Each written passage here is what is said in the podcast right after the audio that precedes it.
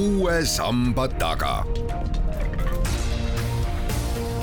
sammaste taha aitab vaadata sajaaastane eestikeelne rahvusülikool tere, tänane saade tuleb rahvusriiklusest ja enesemääramisest äh, ning äh, minu vestluskaaslaseks on kaasprofessor Eva Piirimäe, usutleja Madis Ligi. kui ajalooliselt võtta, siis paljud lätted on kas Egiptuses, Vanas Roomas või Kreekas, kuid äh, rahvusriikluse puhul on see ajasamm tagasiaste tunduvalt lühem jah, on tõsi, ehkki lätete otsimine on niisugune töö, mida võib teha tõesti väga laial põllul. Ja eks rahvusriigilegi on otsitud lätteid näiteks eh, vanas Iisraelis või, või siis arutletud tõesti selle üle, miks eh, paralleelselt eh, Vana-Kreekas ei saanud olla rahvusriiki. Nüüd aga tõesti on täiesti õige, et rahvusriikluse algupära on kõige targem otsida kaheksateistkümnendast sajandist muidugi samas ma pean kohe ütlema, et igasugune lätete otsimine kui selline on natuke tänapäeval seatud kahtluse alla, ehk siis me teame hästi, et, et läte on mõnes mõttes midagi, mida me tagantjärele alles näeme. Ja see, mida teevad kaasaegsed, mis on nende eesmärgid, mis on nende mõtted ja soovid, on tegelikult omaette asi ja praegune niisugune äh, laiem metodoloogiline seisukoht on sageli see, et proovime ära unustada, mis hiljem on tulnud ja proovime mõista, mis siis ikkagi on see, mida need äh, kaasaegsed inimesed, kellele me omistame selle uhke aunimetuse, et nad on millegi rajaja, on siis tegelikult taotlenud ja kaheksateistkümnendasse sajandisse tagasi minnes on sama lugu, et meil on väga raske öelda, et keegi konkreetne autor sealt on näinud visioonina midagi niisugust nagu rahvusriik. sest see nähtus kui selline on kujunenud ikkagi keerulise ajaloolise protsessi tagajärjel nüüd samas on muidugi mingisugused elemendid, äh, mis äh, on olulised, mis tekivad sel perioodil ja mida me siis tõesti tagasivaates saame öelda, et on võimalik kasutada selle rahvusriigi idee siis kokkupanekuks. näiteks me võime öelda, et äh, kultuuride tähtsusest, kultuuri olulisusest poliitikas hakkab rääkima saksa mõtleja Johann Gottfried Herder. me võime rääkida, et Prantsusmaal Prantsuse revolutsiooni ajal räägitakse niisugusest asjast nagu rahva suveräänsus või isegi rahvuse suveräänsus, natsiooni suveräänsus. ja tõepoolest, üheksateistkümnenda sajandi jooksul äh, need kaks ideed kuidagi kokku tulevad, äh, kokku pannakse, aga tegelikult jällegi erinevaid viise, kuidas seda teha, on mitmesuguseid kuid nii või teisiti rahvusriik kui selline on ikkagi ideaal, mille poole üks ja teine rahvus püüdleb jah, isegi selles osas ma võin natuke olla skeptiline et, et tõepoolest me võime tegelikult ka öelda seda, et näiteks äh, Herderi puhul äh, on palju välja toodud, et ta on väga kriitiline riigi mõiste suhtes. nii et võime küsida, et mis mõttes siis on tegu rahvusriikluse algatajaga, kui ta samal ajal kritiseerib oma kaasaegseid riike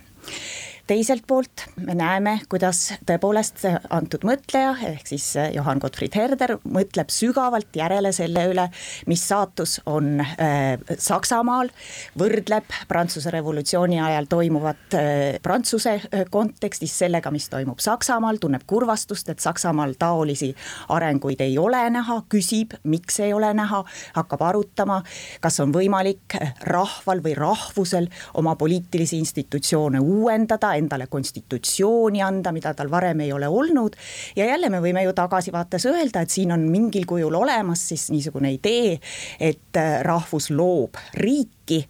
äh, loob endale vastavaid institutsioone, mis on seotud tema ajalooga, mis võiksid olla talle siis kuidagiviisi ka eriomased ja, ja selles mõttes äh, tõepoolest ei ole see ju ka päriselt äh, õigustamatu, et öelda, et siin on mingil kujul see rahvusriigi idee olemas olnud. teiselt poolt me näeme ka terve üheksateistkümnenda sajandi jooksul,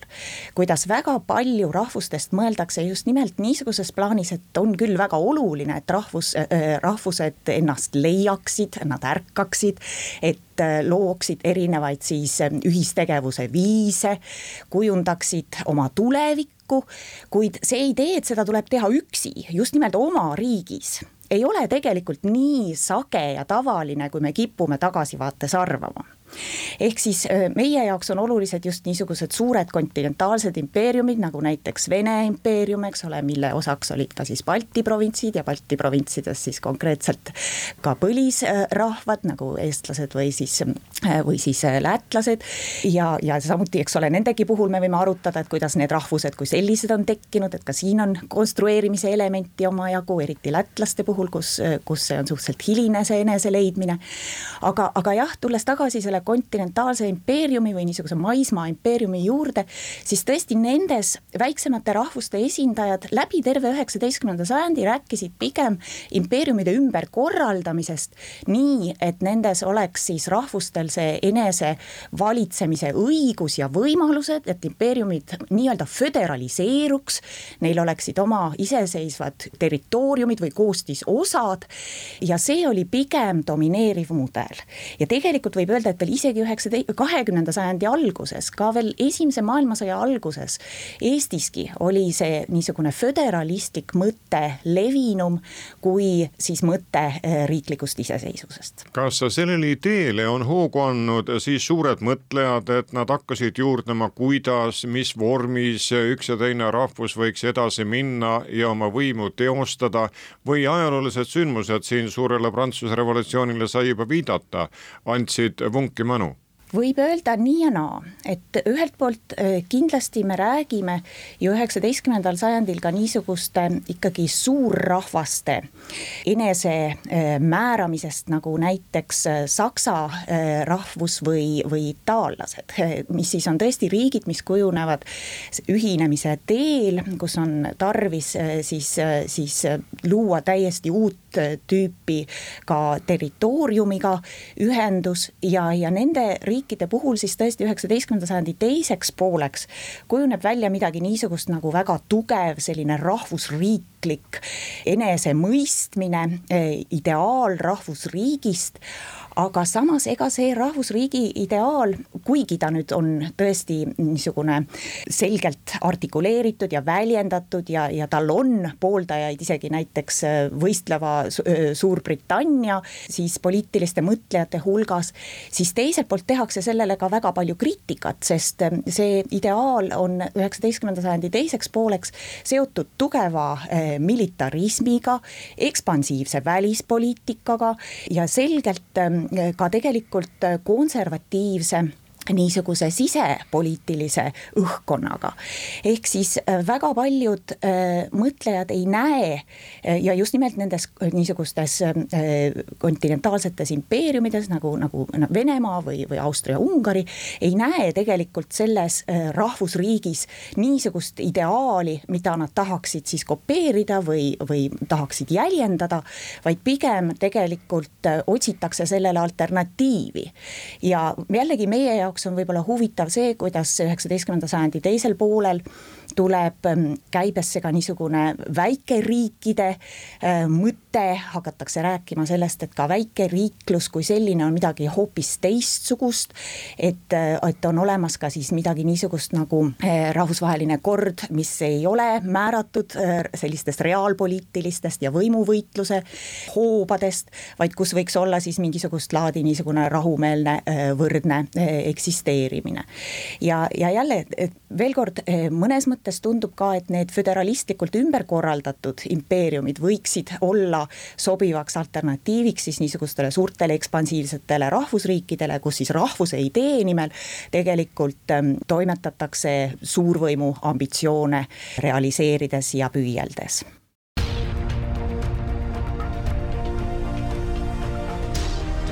Uue samba taga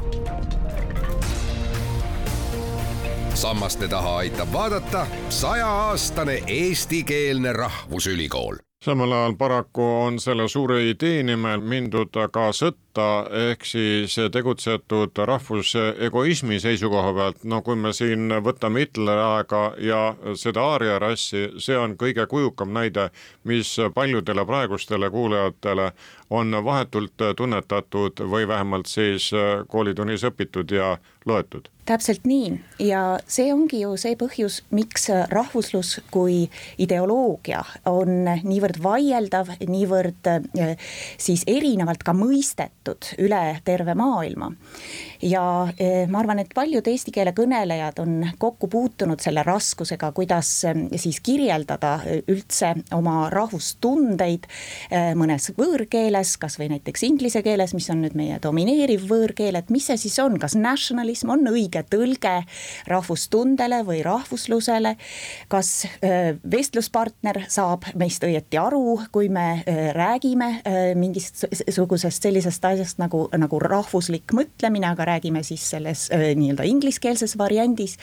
ja tõepoolest tuleb tõdeda, et ega ta tegelikult ju ei saa aru, sellepärast et, et nationalismi niisugune põhiline konnotatsioon ikkagi ongi selgelt rahvusegoism, agressiivne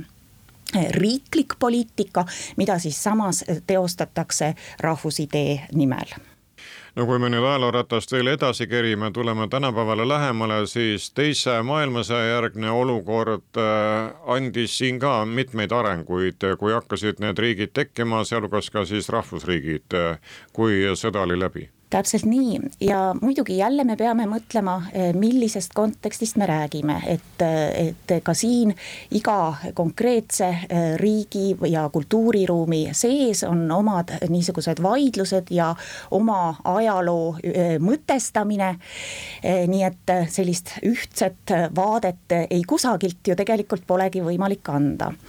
aga kindlasti nüüd Euroopa ühenduste ja hilisema Euroopa Liidu kujunemise juures kahtlemata kahtlemata on väga suurt rolli mänginud niisugune tõdemus, et ähm, Euroopas tuleks ületada see suurvõimu äh, poliitika äh, mäng tuleks lõpetada riikidevaheline antagonism, leida võimalused selle ületamiseks. ja jälle me peaksime siin tähele panema, et tegelikult ei ole jutt äh, nüüd ainult rahvustunnete ületamisest, vaid mõnes mõttes just nimelt ka riikide välispoliitika ümberkujundamisest, mille juures siis tõesti Euroopa Liidu puhul tagasivaatavalt on olnud väga oluline roll äh, siis majandusühenduse kujunemisel, idee, et ei olekski võimalik eh, võidurelvastuda ja kujundada siis eh, niisugusi eh, agressiivseid sõjamasinaid riigi poliitika vahenditega. ja ka samal ajal seda niisugust poliitilist mõtet, kuidas siis luua selline ühendus, kus niisugust laadi rivaalitsemist ja, ja otsest antagonismi vältida, on saatnud ka, ka teine niisugune tunnetus, mis siis tõesti on see, et et tuleks ümber äh, kujundada, ümber mõtestada ka see, äh, mis siis äh, on meie suhe kultuuri. seda siis nüüd esmajoones tõesti Saksamaal, kus, kus nagu väga selgelt jõuti selle tõdemuseni, et Saksa suurvõimupoliitika, rahvusegoismi juured on olnud väga tugevalt Saksa kultuuris, Saksa mõttes loos, eh, mistõttu siis, eh, siis tõesti prooviti ümber eh, mõelda pärast teist maailmasõda. Kogu Saksa ajalugu, kogu Saksa mõte prooviti koolisüsteem ümber kujundada nii, et et selle keskmes ei oleks enam selline enesekeskne rahvuslik maailmatunnetus, vaid kujundada siis niisugust kodanikuidentiteeti ja, ja väga tugevalt ka tegelikult maailma kodanikuidentiteeti. sellel on kahtlemata väga palju eh, häid külgi, eh, mis puudutab just nimelt niisugust arusaamist sellest, kuidas riik toimu, toimib, riigi kodanike eh, võrdsuse ideaal või ka niisugune põhiseaduslike väärtuste alalhoidmine on tõstetud esiplaanile või püüti tõsta esiplaanile, see oli ju ka ikkagi ideaal ja püüdlus, mitte, mitte niivõrd eh, lõppkokkuvõttes täielikult realiseerunud tegelikkus. aga sellel on ka siis see varjukülg, et tõepoolest väga palju Saksa enda ajaloost äh, tavakodaniku jaoks isegi ununes, ununes ka, ka tegelikult niisugune äh, arusaam sa, Saksa kolonialismist, Saksa kultuuri kohalolust näiteks Ida-Euroopas Euroopas eh, seesama, eh, mis on meie jaoks väga oluline, Balti-Saksa kultuuripärand tavalise sakslase jaoks on unustatud. ta isegi ei teadvusta niisuguse kunagise eh, koloonia olemasolu ja see tuleb just nimelt sellest, et ajaloo pilt ajaloo mõte orienteeriti ümber, hakati hoopis teistmoodi mõtestama oma kohta maailmas Teil oli just kolmepäevane rahvusvaheline töötuba, kus need küsimused rahvusriikluse ning enesemääramise omad üleval olid. kas see on selline traditsiooniline ettevõtmine, käib lihtsalt külakorda, kord on ühes, kord teises riigis või oli see Tartu Ülikooli initsiatiiv? see oli täielikult Tartu Ülikooli initsiatiiv ja see on seotud minu juhitava projektiga Rahvaste enesemääramine ajaloolises perspektiivis. see on viieaastane Eesti Teadusagentuuri projekt ja see on siis tõepoolest, nagu projekti nimigi ütleb, rahvaste enesemääramise teemal. me uurime rahvaste enesemääramise idee ajaloolisi kujusid ja arengut ja see oli tegelikult juba kolmas üritus sarjas, mida oleme korraldanud. on olnud üks rahvusvaheline konverents veel otse enne selle projekti algust, nii-öelda ettevalmistavalt, on olnud üks Eesti eestikeelne konverents eh, koroonaaja keskel, eh, osalt sellest tulenevalt, aga osalt ka, ka sellest, et soovisime just Eesti ja Balti teemad fookusesse tõsta. ning nüüd siis niisugune laiem konverents, kus tõesti oli osalejaid eh, erinevatest lääneriikidest, ka USA-st kaks osalejat, Šveitsist, Saksamaalt, Soomest, mitmelt poolt mujalt. ja, ja võtsime luubi alla siis tõesti väga põhjalikult enesemääramise mõiste erinevad mm, esinemised ja, ja seosed ka rahvusriiklusega. nii et kui kunagi õpetati, et ajalugu on klassivõitlus, siis nüüd on ikkagi neid lähtekohti enam ja vaadatakse ka seda mõttelugu, kuidas antud juhul siis rahvusriigi enesemääramise ideed ja mõtted on kujunenud läbi aegade ja kuhu nad on jõudnud ja kui palju me sellest teame ja suudame lahti muukida ning võiksime veel teada. täpselt nii, et on palju põnevat, mida saab ajaloost avastada, palju, mis on unustatud, kuid on väga põnev ka seda unustatut meelde tuletades näha, kuidas mitmed vaidlused korduvad, mitmed mõttemustrid on sarnased ja see stimuleerib edasist uurimist. no te ise peale meie arhiivide eh, olete saanud töötada ka mujal Suurbritannias ja Saksamaal, nii et nüüd on hea neid materjale siis kokku panna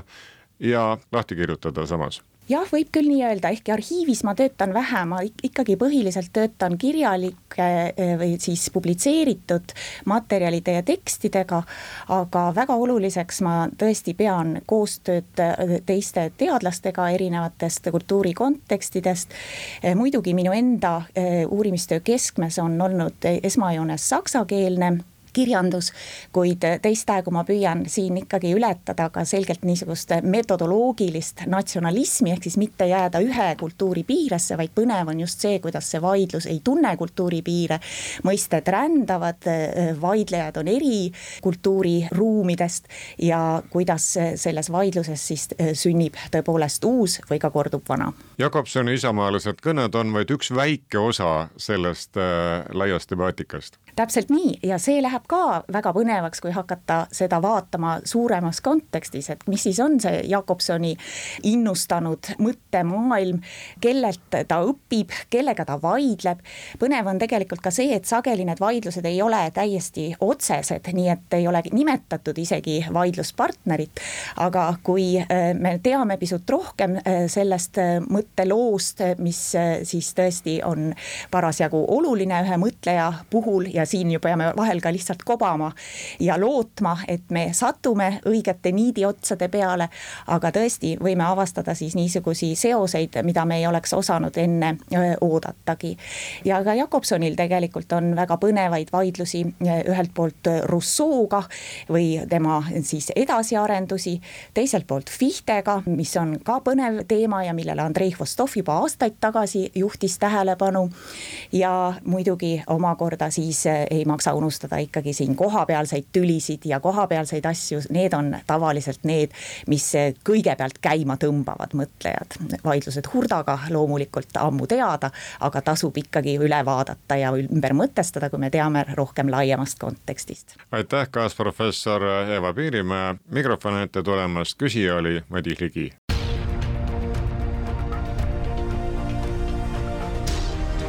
uue samba taga